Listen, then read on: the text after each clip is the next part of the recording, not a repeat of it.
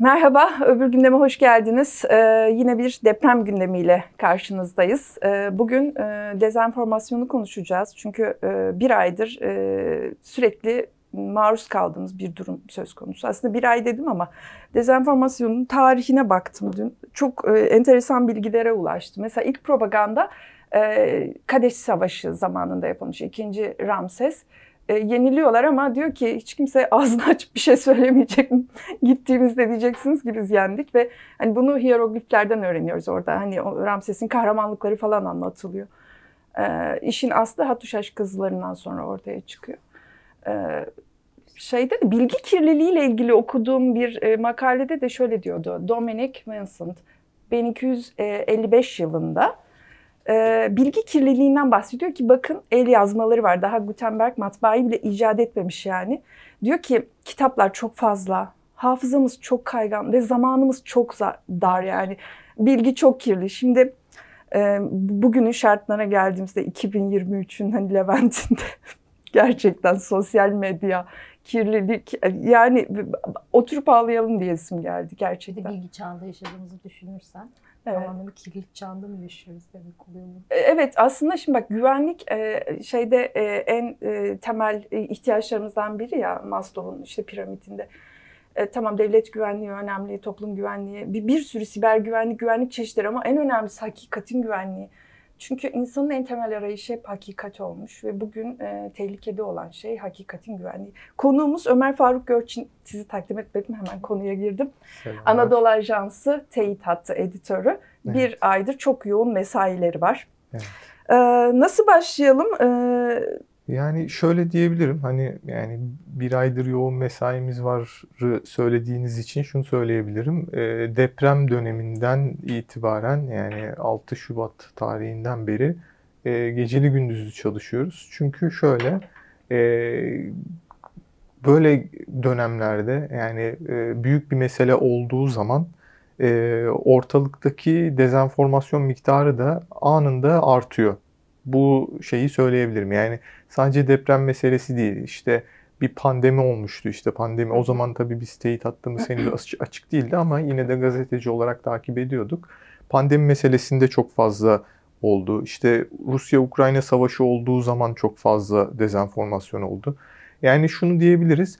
E, toplumun ilgisini çeken yahut işte başına gelen travmatik bir olay varsa, toplumun bütün hepsinin konuştuğu bir olay varsa dezenformasyon odakları da bu olayları e, kullanıyor ve bunlar üzerinden e, türlü çeşitli e, işte onların işte siyasi, e, ekonomik çıkarları olabiliyor. Evet. Onları korumak için yahut işte toplumu kendi taraflarına çekebilmek için çeşitli hareketlerde bulunuyorlar.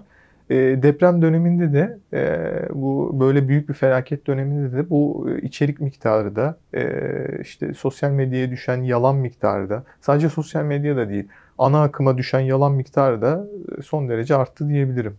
Yani bir dedi bir e, kuyuya taş atıyor. E, bir sürü insan bunu çıkartmaya çalışıyor. Atasözünün tam karşılığı. Devletler bunlara artık büyük büyük bütçeler ayırıyor. Mesela Anadolu Ajansı teyit hattı diye bir hat kurdu. Bir yıl oldu değil mi?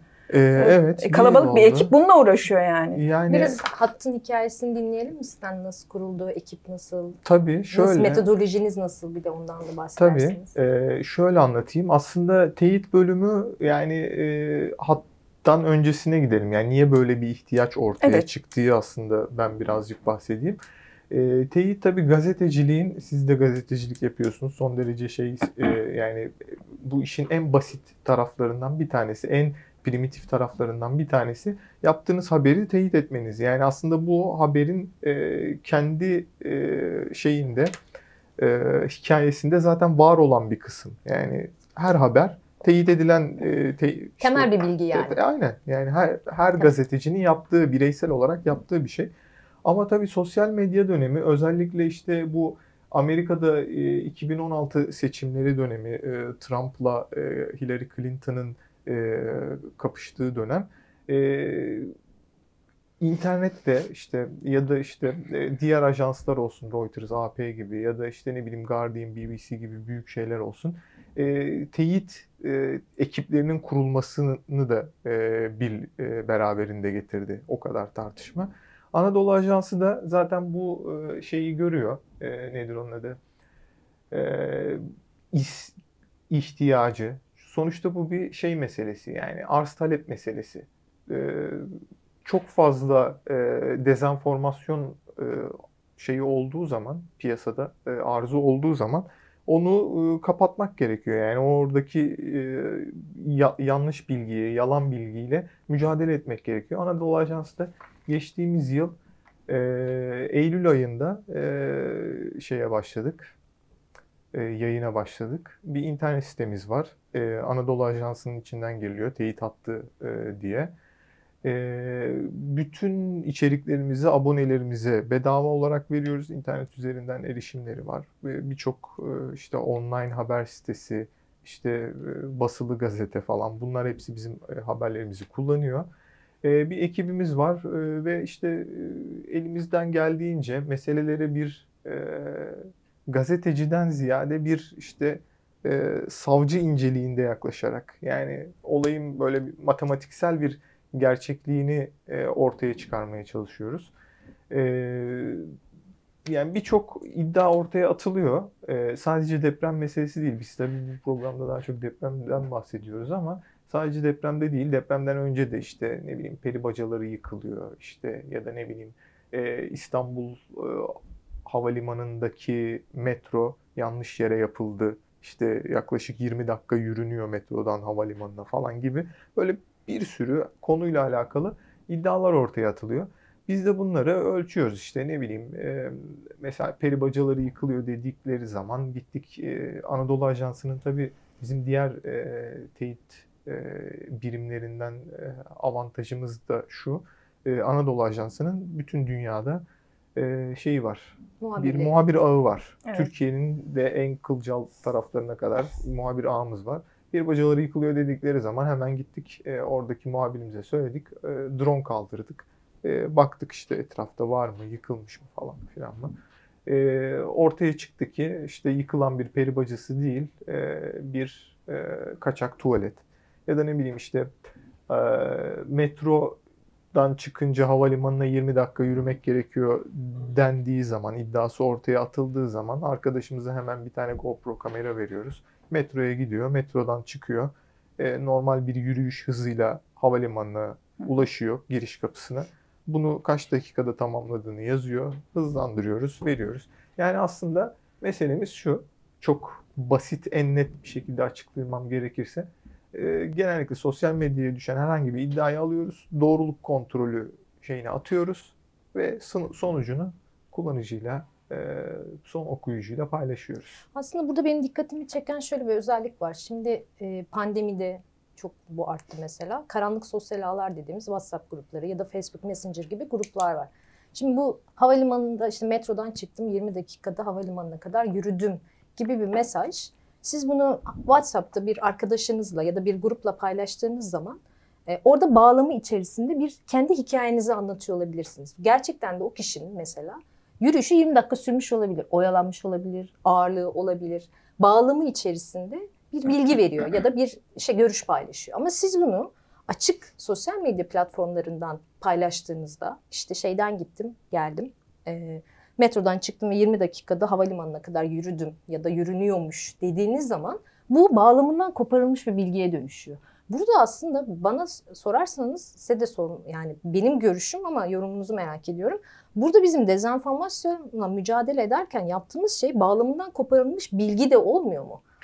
Tabii şöyle aslında yani burada söylediğiniz şeye aslında şu açıdan bakmak lazım. E, olayın ortaya çıkış hikayesi. Mesela söylediğiniz örnekte olayın ortaya çıkış hikayesi son derece masum olabilir. Yani e, gerçekten oradan oraya hadi 20 dakika çok abartı bir örnek oluyor ama diyelim ki normalde işte 4 dakikada yürünecek bir yolu 14 dakikada yürümüş bir kişi. Ki öyle olsa ben bunu bir saatte yürüdüm diyebilirim yani, kendi arkadaşıma yani ve, grupun aynen, içinde. Bunu değil mi? Twitter'a da yazmış olabilir. Abartabiliriz yani. Abartmasa bile yani gerçekten 4 dakikalık bir yolu 14 dakikada yürümüş olabilir. E, bu e, bu hikayesinde Twitter'a atmış olabilir. Hı hı. Burada herhangi bir şey yok yani sakınca ya da işte suç teşkil eden bir durum ya da bir dezenformasyon faaliyeti yok. Hı. Ama bu mesajı alıp o- şu noktaya sokarsak olay dezenformasyona gidiyor. Ee, İstanbul e, Havalimanı'nın metrosuyla havalimanı giriş kapısı arası 14 dakika sürüyor. Çünkü yanlış yere metro yapıldı. Yani olayı e, masum bir bağlamdan alıp e, başka bir yere oturttuğunuz zaman olay e, basit bir e, kişisel e, anıdan dezenformasyona doğru gidiyor. Benzer şeyi biz deprem sürecinde Burada yaşadık. bir kötü niyet ya da öfke şeyi mi Şimdi arıyoruz? Çeşitli şeyler olabiliyor. Yani mesela bazısında sadece ekonomik kaygı olabiliyor. Mesela ne yapıyorlar? Ee, ünlü birinin ismiyle ve fotoğrafıyla e, bir Twitter hesabı açıyorlar. Buradan çok konuşulacak ve etkileşim geçirecek, e, getirecek e, tartışmalı açıklamalar yapıyorlar. İnsanlar bunları RT ediyorlar ve takip etmeye başlıyorlar. On binlerce takipçisi oluyor, yüz binlerce belki takipçisi oluyor. Sonra hesabı satıyor. Hı. Burada mesela ekonomik bir çıkar var. Hı. Yahut e, işte siyasi çıkarları olan şeyler var. Bütün bu tarz mesajları alıp siyasi bir paketin içine koyuyor ve kullanıcıya şey yapıyor. Böyle hesaplar var. Yurt dışı merkezli, Türkiye merkezli. Bunları da görüyoruz biz e, şeylerimizde. Ya da işte e, mesela bir çıkar grubunun işte bir ne bileyim e, siyasi, politik, e, ekonomik fark etmez. Yani bir e, toplumun kamuoyunu bir tarafa çekmek isteyenler var. Algı yönetimi. Aynen, yani isteyen, Çeşitli çeşitli motivasyonlar var burada. Ama benim burada söylemeye çalıştığım şey e, o, olayın ortaya çıkış noktası, dezenformasyonun ortaya çıkış noktası her zaman kötü niyetli olmayabiliyor. O ona zaten mezenformasyon da ya da misenformasyon da hı. deniliyor. E, mesela deprem sürecinde de yaşadık bunu. Birisi şöyle yazıyor işte e, Hatay'da X sokak Y apartmanı Z numarada e, bir işte e, enkaz var. Bu enkaza müdahale istiyorum diye yazıyor. Atıyorum e, depremden 4 saat sonra. Mesaj e, iyi niyetli kullanıcılar tarafından kopyala yapıştır yöntemiyle başka Twitter hesaplarına e, yayılıyor. yayılıyor. Hı hı. Ve atıyorum e, olay bittikten sonra işte depremin dördüncü günü bu mesaj hala yayılmaya devam ediyor. E, AFAD görevlileri yahut işte bölgedeki e, çalışmayı yürüten insanlar da e, üçüncü gün, dördüncü gün gittiklerinde bakıyorlar ki böyle bir durum yok. Yani enkaz kaldırılmış ya da olay bitmiş. Yani burada ne oluyor? İyi niyetli e, bir şey kopyala yapıştır yöntemiyle aslında bir insanın hayatını kurtarmaya çalışan bir şeyle e, tweet'in yayılmasıyla kötü bir sonuç şey yapabiliyor. Ortaya e, çıkabiliyor. Biz dünyada da ön sıralardayız değil mi dezenformasyon meselesinde? Yani öyle diye şey yapıyoruz. Ee, şöyle bir kere e, sosyal medya kullanımımız çok yoğun. Yani e, nüfusa oranla e, yanlış hatırlamıyorsam e, Twitter'da da Instagram'da da ilk 7-8 ülke arasındayız. Arasındayız. Nüfusu- Bildiğim kadarıyla 10 milyon Twitter, 40 milyon da Instagram kullanıcısı var Yani Türkiye'de. çok e, şey e, ben daha da fazla diyebiliyordum. E, olabilir. E, tam şu an e, rakamlara hakim değilim. E, ama evet yani 10 milyonlarla ölçülüyor. E, birinci ol yani birinci miyiz yahut işte kaçıncıyızı şey yapmadan önce şunu söyleyebilirim. Yani çok yoğun olduğunu söyleyebilirim. Çünkü e, sosyal medya kullanımımız çok yoğun. Yani hem Twitter'da hem e, Instagram'da hem Facebook'ta aktifiz. Hem de e, 2018'de yanlış hatırlamıyorsam ya Reuters'ın ya e, Reuters'ın vardı bir tane Reuters'ın şeyi. değil mi? Odur muhtemelen. E, Türkiye'nin e, Türkiye'nin yalan habere e, maruz bırakılma e, Dijital yüzdesi. habercilik raporu. Aynen. E, dünyada e, ilk üçte ya da Öyle. e, Evet. ilk İlk üç. bir iki sırada diye hatırlıyorum. Peki bu şeyi sormak istiyorum ben. Başta söylediğiniz dezenformasyon odakları. Yani e, daha sonraki sorularda da biraz değinildi. Bunlar böyle kurumsal hesaplar mı, bireysel hesaplar mı? En çok neyle karşılaşıyorsunuz? Var mı Ya böyle bir şöyle, istatistik ya da tespit ettiğiniz bir Ge- şey? Genel itibariyle bireysel tabii ki. Yani şunu söyleyebilirim. Çok E, enteresan. Şöyle, aslında mesele hesap verilebilirlik, accountability dedikleri mesele var ya. Bana kalırsa oradan e, şey yapıyor. Şimdi e, biz Anadolu Ajansı olarak 102 yıllık bir kurumuz. E, dolayısıyla bizim e, bir güvenilirliğimiz var, bir ismimiz var, muhafaza etmek istediğimiz bir reputasyonumuz var. Dolayısıyla biz yazdığımız her haber, attığımız her başlık, attığımız her spotta dikkatli olmamız gerekiyor. en ufak bir soru işaretine, bir kafa karışıklığına neden olmamamız gerekiyor. Çünkü 102 yıllık bir markanın e, ağırlığını omuzlarımızda taşıyoruz. Ama e, bir görünüp bir kaybolan, işte bugün var yarın yok hesaplar, kimi zaman gerçek bir isimle bile değil, genel itibariyle hatta gerçek bir isimle bile değil. İşte yahut işte böyle bir e, sembolik bir e, profil resmiyle ortaya çıkıyorlar. E, sonra da yok oluyorlar. O görevlerini yerine getirdikten sonra atıyorum aylar boyunca yoğun bir şekilde propaganda yapıp yapıp yapıp yapıp yapıp yok oluyor hesap. Niye? Çünkü herhangi bir geçmişi yok. E, utandıracağı kimse yok. E, hesap vereceği kimse yok. Hukuk herhangi bir şekilde bir şey yapmıyor. Yurt dışı bazı hesaplardan bahsediyorum mesela. Hukuksal olarak herhangi bir e, şeyin yok, bağlayıcılığın yok.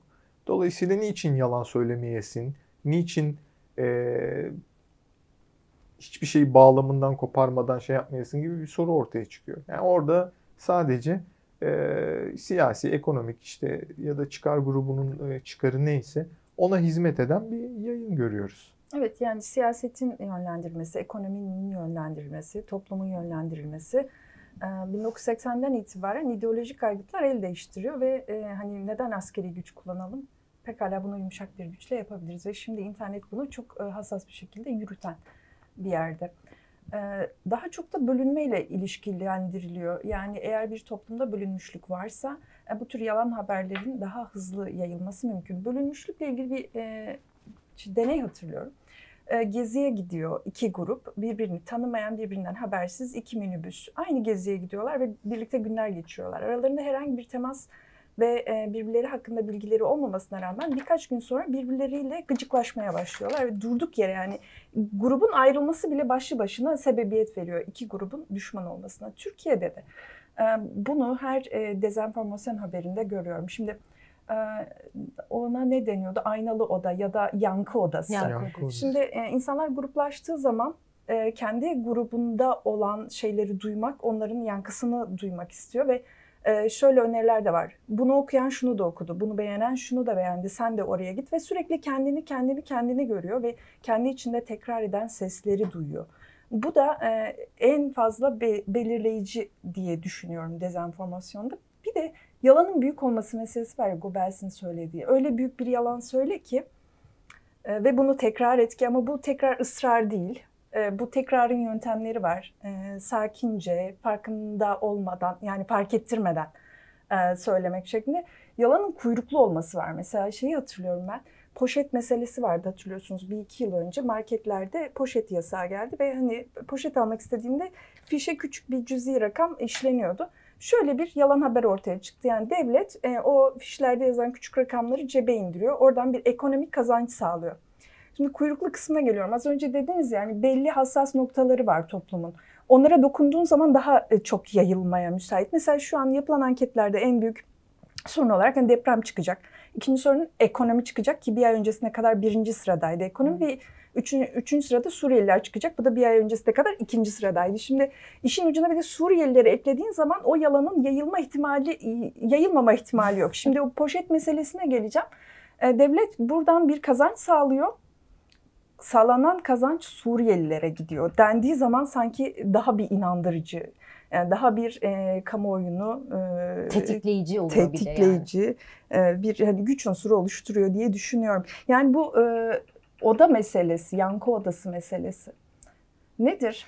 Ee, şöyle, e, buradan bahsetmek için aslında e, algoritmalardan da bahsetmemiz lazım bence. Çünkü e, şöyle, dediğiniz gibi e, ya bu konuda hani e, okuduğum araştırmalar, dezenformasyon ve insan psikolojisiyle alakalı okuduğum araştırmalar bize şunu gösteriyor. İnsanlar, e, daha doğrusu toplumun bir kesimi, önemli bir kesimi kendi e, görüşlerini teyit edecek görüşlerle çevrelenmeyi çevrelenmeye meyyal olabiliyor. Hı. Yahut mesela e, bir konuda bir görüşünüz var ve o konudaki o görüşe inanmaya daha meyyalsiniz. E, Onay bekliyor olayın, aynen, yani Olayın aslında. doğrulamasını görseniz bile tam olarak inanmayabiliyorsunuz. İnsan psikolojisi biraz öyle çalışıyor. Yani kendimi onaylatma, e, kendim görüşümün doğru olduğuna dair çevremden bir destek görme. Sosyal e, medyadaki çevremden de bir destek görme şeklinde Orada önemli olan şöyle bir psikoloji var bildiğim kadarıyla. Ee, bir şeyin hakikat olması, gerçek olması değil, inandırıcı olması yeterli bu yankı odalarında. Dolayısıyla kişi kendi inandığı şeyin başkası tarafından da ona yankılandığı zaman inandırıcılığı artıyor ve ona inanmayı tercih ediyor. Siz onun önüne hakikati koyuyorsunuz ama ona inandırıcı gelmiyor. İnanmak istemiyor çünkü. Bir de galiba gerçek ana unsur. Yani gerçek artı yalan gibi bir şey. Hani gerçek artı abartma. Yani bir- Evet. bir, unsur olarak Bunların gerçekliği hepsinin işte ayrı kullanıyorlar. tanımı var yani. O Ya hepsi- Dezenformasyon, mezenformasyon, fake news. İşte Aslında böyle belki de sözlüğe mi girmek lazım? Evet. Şimdi var sözlük- değil mi? Böyle bir sözlüğünüz var bu arada. Sözlüğümüz Aa, var. Sözlük çok Evet. güzel. Evet ben de Evet, gördüm. e, de, teyit hattı sözlük de yapıyoruz. Aslında söylediğiniz her şey şu an e, yetişmekte zorlanıyorum. Çok derin bir şeyin e, tartışmanın ürünü. Mesela sizin dediğiniz şey e, post-truth'dan bahsetmemiz gerekiyor. Yani hakikat sonrası çağ. Ölümü. Yani çünkü e, olayın hakikati mi önemli yoksa toplumda algılandığı biçim mi daha önemli diye bir tartışma Hı. dönüyor. Bunun için ayrıca 15 tane program yapılır yani. E, sizin dediğiniz e, mesele e, sosyal medyaların algoritmasıyla alakalı. Yani e, Facebook'ta bundan bayağı oluyor bir 5-10 sene oluyor. Şöyle bir mesele çıkmıştı hatırlıyorsanız. E, belli bir bölgedeki mikro e, tabii şeyden bahsediyor. Seçimleri istediğin adaya kazandırırız diyor. Yani Facebook'taki. E, o algoritma sahipleri. Niye? Çünkü işte toplumu öyle bir yönlendirirsin ki e, oy verme şeylerini etkilersin. Davranışlarını Google- etkilersin. Google Search'e, YouTube Search'e girdiğin şeyde soru, olum bir konu hakkında diyelim ki işte göçmen meselesi. Olumlu sorular soruyorsan seni o çiftliğe yönlendiriyor. Ama olumsuz sorular soruyorsan seni negatif tarafa yönlendiriyor. Böyle bir araştırmadan bahsetmişti. Akan Abdullah galiba o da bu konularda çok ciddi araştırmalar yapıyor. İşte 5 sene öncesine kadar işte YouTube'da e, atıyorum mülteci meselesine pozitif bakıyorsanız ya da pozitif yönde bir nötraliteniz varsa sizi 5 sene içerisinde daha o kenara köşeye götürüyor. Eğer biraz negatif bakıyorsanız daha karşı tarafta oluyorsunuz. Baya baya yankı odalarına sizi hapsediyor. Bunun e, bu dediğiniz işte algoritmaların aslında gücü yani ne yazdığımız, dilimizi nasıl kullandığımız, cümleyi nasıl kurduğumuz o kadar önemli ki bu noktada hangi soruları sorduğumuz. Bundan çıkabilmenin de tek yolunu e, düşündüğünün tersi noktada araştır diyor. Bu seni, bu algoritmayı ancak böyle kafasını karıştırabilirsin. Çerezlerinizi sık sık e, yenileyin diyor. Geçmişinizi e, silin diyor, geçmiş aramalarınızı. O tabii ki çok akıllı artık yani hani bu bu söylediği şeyler galiba 2-3 sene önce falan dinlemiştim. Şu anda algoritma Evet. e, daha e, bu trikleri de yenecek boyuta ulaşmış olabilir. Makine öğrenmesi çok güçlü çünkü o noktada. Ya burada biliş hani şöyle bir laf var. Biliş toplumsal bir eylemdir diye. Ben şeyi merak ediyorum. E, insanların teyit hakkına olan ilgisi nasıl Hı hı. mesela? Hangi yaş grubu bir de? Evet Benim de var merak o. böyle şeyler ya da gerçekten yani bakıyorlar mı hakikati arıyor mu insan ya da Şöyle evet. haberin gerçeğini? Ee, yani belli meselelerde özellikle e, ilginin arttığını e, görebiliyoruz. Yani e, şöyle e, hangi haberlere daha çok e, eğilim var diye sorarsanız mesela bizim deprem boyunca deprem olduktan sonra okunan en çok haberimi en çok okunan haberimiz e, Amerika'nın e, Boğaz'da depremden hemen evvel demirleyen bir savaş gemisi vardı. Bu savaş gemisinin depremle bir alakası olup olmadığına Hmm. dair bir haber. Güvenlik şeyi. Ee, Harp. hem güvenlik hem de harp meselesi. Hı hı. Dediğiniz gibi e, deprem bir insan eli tarafından mı tetiklendi Hı hı. sorusu. Mesela diğer haberlerimizden çok çok çok onlarca kat daha fazla kez okunmuş bir haberimizdi bu. Ve böyle durumlarda insanlar mesela komplo teorilerine e, araştırmaya yatkın olanlar yahut işte o, o soru işaretiyle şey yapanlar yahut bunların WhatsApp gruplarında çok fazla dolaştığını görüyoruz. Yahut çok pragmatik haberlerimiz daha sık okunuyor. Mesela e, deprem yardımlarını almak için e, AFA'da E-Devlet üzerinden kayıt yaptırılması gerektiğine dair bir WhatsApp şeyi ortaya çıkmıştı. Dedikodusu ortaya çıkmıştı. Bize WhatsApp ihbar hattından geldi. Hı. Biz de açtık bunu yaptık. Hayır kimsenin herhangi bir şekilde şey yapmasına gerek yok falan filan. Bu son derece işte bürokratik e, şeyle kağıt evrak işleriyle alakalı bir durum. İnsanlar bu tarz pragmatik durumlarda da teyit hattına başvurabiliyorlar. Yani işi nasıl göreceğiz? Şey gibi senin dediğin vardı ya öyle bir yalan at ki kuyruklu olsun.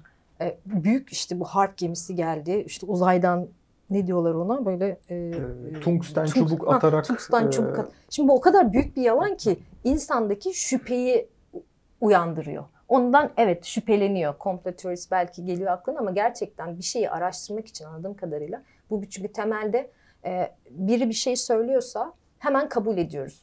Bir profesör bir şey söylüyorsa hemen kabul ediyoruz. Çünkü onun verdiği bilginin doğruluğuna inanıyoruz. E, ama ben mesela geçen gün şeyde bile gördüm. E, Celal Şengör kendi diyor ki bizi diyor çok dikkatli izleyiciler var diyor. Bizi izliyorlar diyor. Bizim diyor yanlışlarımızı bize söylüyorlar diyor. Şimdi kendi de bilgide hani yanlış bir bilgi verebilirsiniz, tarihi kaçırabilirsiniz, ismi de yanlış söyleyebilirsiniz. Ama bir kesim mesela bunu böyle direkt alıyor. Tamam bu böyledir diyor. Bir kesim de gerçekten çok dikkatli, çok şüpheci ve kendisine bunun geri dönüşünü yapıyor. İnsanlarda da bu e, teyit hattında belki biraz daha bunun e, in- insanda soru sormayı, aldığınız şeyi teyit etmeden bu ne olursa olsun yani bir çocuk dahi olsa bir anne baba bir çocuğuna dahi bir şey söylerse neden sorusunu nasıl sorusunu sormayı belki de alışkanlık haline getirecek. Bunun için mesela teyit hattının bir takım şeyleri var mı böyle eğitimleri ya da Şöyle. modülleri? Hı hı. E, teyit hattı sözlük bölümümüz ve teyit hattı blok bölümümüz var. E, yani her gün yayınlıyoruz. En azından işte bir blok birden fazla sözlük içeriği girmeyi şey yapıyoruz. E, aslında hani sadece yaptığımız iş e, balık servis etmek değil, balık tutma öğretme konusunda da e, çaba göstermeye çalışıyoruz. Çünkü e, bu mesele insanların teyit kaslarını geliştirerek yapabileceği bir kişisel olarak kendini koruyabileceği bir mesele. Dezenformasyon meselesi. Yani e, önemli bir kavram var şey diye critical thinking, e, eleştirel düşünce diye. Bunu ortaya çıkarabilecek yani okurumuzda bunu ortaya çıkarabilecek, bu soru işaretlerini gündeme getirebilecek içerikler de giriyoruz. Yani diyoruz ki e, internette gördüğünüz her şeye şüpheyle yaklaşın, her şeye soru işaretiyle yaklaşın, her şeye mantıksallaştırmayla yaklaşın. E, bireysel olarak da kendinizi o paylaş butonuna tıklamadan önce birkaç kez sorgulayın. Daha önce getirdiğiniz e, kafanızda bulunan işte ya da tecrübelerinizde bulunan e, meseleleri her zaman için soru işaretlerine tabi tutun. Bunları yapmadığınız sürece siz de, biz de, hepimiz yani gazeteci olsanız, teyitçi olsanız bile e, yanlış o dezenformasyon zincirinin bir halkası olmaya adayız. Onun için ya işte ne yapıyoruz? Teyit hattı sözlük bölümünde atıyorum infobezite nedir diye bir işte kavram. Mesela infobezite işte çok fazla bilginin piyasaya sokularak oradaki dezenformasyon yakalanı artırma çabası mesela işte bu nedir? İşte e, troll nedir? Böyle basit kavramları da şey yapabiliyoruz. Kimi zaman da işte e, haftanın en çok okunan içerikleri işte ya da ne bileyim e, parodi hesaplar sos, e, hukuki olarak ne gibi e, sonuçlar doğurur gibi soru işaretlerine Evet bu hukuki eğiliyoruz. boyutu çok önemli bence. Ee, çok ıskalanıyor. Artık hani dünya yani özgürlükler söyleminden e, şu, şuraya doğru gelmeye başladı. Tamam özgürsün ama hani suç işleyecek kadar da özgür değilsin. Ee, toplumda infiale sebep olacak, kim ve nefreti tetikleyecek, işte e, kamu barışını tehdit altına alacak e, suçlar hani basit yalan gibi görünse de aslında çok büyük sonuçlara sebebiyet veriyor ve bunun ha, önüne geçilmesi şu an hani karşı karşıya olduğumuz en büyük e, şeylerden birisi diye düşünüyorum. E, belki de az önce dediniz ya e, hani teyit et, teyit et, hani do- doğru kullan. E, sosyal medyanın haber almak için belki de hiç kullanılmaması gerekiyor. BBC bir araştırma yapmış. E, gençlerin üçte biri hiç sorgulamaksızın TikTok'u e, haber kaynağı olarak buluyormuş. Çünkü çok fazla Çünkü mesela... haberci değil ya, yapan kişi haberci değil. Ya- yapan kişi haberci değil ama bazı haber e, ajansları da bunun gücünü tespit edip TikTok'ta kanallar da açtılar. Yani şey yabancı odaklı. Türkiye'de çok fazla yok. Var Türkiye'de bilgi. çok yok ama e, şeyler kullanıyorlar. Instagram'ı kullanıyorlar. Twitter'ı zaten hepimiz kullanıyoruz. Yani şöyle e, artık hani o şey kalktı diye düşünüyorum. Çünkü artık e, şimdi bundan 20-30 yıl önce baksaydık muhtemelen birincil haber alma kaynağı televizyon, ikinci gazete, işte üçüncü radyo çıkacaktı. Hı. Şu an birinci haber alma kaynağı internet. İnternetin içindeki en çok haber alma kaynağı da sosyal medya. Hmm. Ondan sonra sosyal medya ile birlikte televizyon geliyor. Ondan yüzde birkaç Hmm. düşük. Sonra gazete geliyor, radyo en sonda geliyor. Yani sosyal medya son 3-4 senedeki özellikle şeyiyle birlikte televizyonda geçti. İnternet zaten televizyonda üstünde. E, sosyal medya artı internet şey. Dolayısıyla insanların e, haber alma kaynağını e, internetten başka bir tarafa çekmemiz çok gerçekçi değil. Çünkü oradaki interaksiyon, oradaki hız hiçbir yerde yok. Oradaki yalan da hiçbir Evet, yerde yok yani maalesef. herkes şunun farkında. Evet, e, Hatay'da deprem olduktan sonra e, Hatay'daki herkes sosyal medyadan e, ya da herhangi bir yerdeki herkes sosyal medyadan bana haber ulaştırıyor. Dolayısıyla güvenilmez. Bunun Hı hı. farkındayım. Ama kimse bana sosyal medyadan daha hızlı haber ulaştıramaz. Dolayısıyla ilk e, ulaşabileceğim kaynak da sosyal medya. Hmm. Siz de bu durumda konvansiyonel medyaya o şeyle e, kıyasla sosyal medyadaki şeyleri daha çok takip ediyorsunuz anladığım değil mi? E, tabii, Yani tabii. hangisi? Ya zaten şöyle bir durum oldu artık. Hani ben e, buradan önce televizyonda, oradan önce de gazetede de Hı çalıştım. hı. Şunu görüyorum. e, belki medya sektörünün kendisine bir öz eleştirisi de olabilir. Gündemi zaten sosyal medya belirliyor. Biz televizyonda da akışı Hı hı. daha çok daha çok demeyeyim de yani önemli bir ölçüsünü Twitter'a göre yapıyorduk. Gazetede de e, manşeti genelde Twitter belirliyordu yani. Ya e, şimdi az önce söylediğinize karşı demeyeceğim ama farklı bir e, bakış açısı getirecek bir şey söyleyeceğim. Keşke e, araştırma yapan kişinin ismini hatırlasaydım da öyle söyleseydim. Bir test çalışması okudum. E, büyük toplumsal olaylarda aslında haber kaynağı değişiyormuş. Onu görmüştüm. 15 Temmuz gecesi e, kimden haber aldınız diye bir soru soruluyor. Çok geniş çaplı bir araştırma ve çok büyük oranda televizyon çıkıyor. İnsanlar o gece sosyal medyaya inanmamayı tercih etmiş. Depremde bu durum nasıl oldu bilmiyorum. Belki hani yakın zamanda yapılacak araştırmalar bunu da gösterecek. Çok teşekkür ediyorum. Bitti mi? Hı hı. E, Var mıydı soracağım? Yok yani bu devam ediyorduk böyle hani şeyle, sohbetle. Ben Güzeldi yani. kapatıyorum. Ee, çok teşekkür ediyorum. Ee, hakikatin güvende olduğu günlerde görüşmek ümidiyle. Hoşçakalın.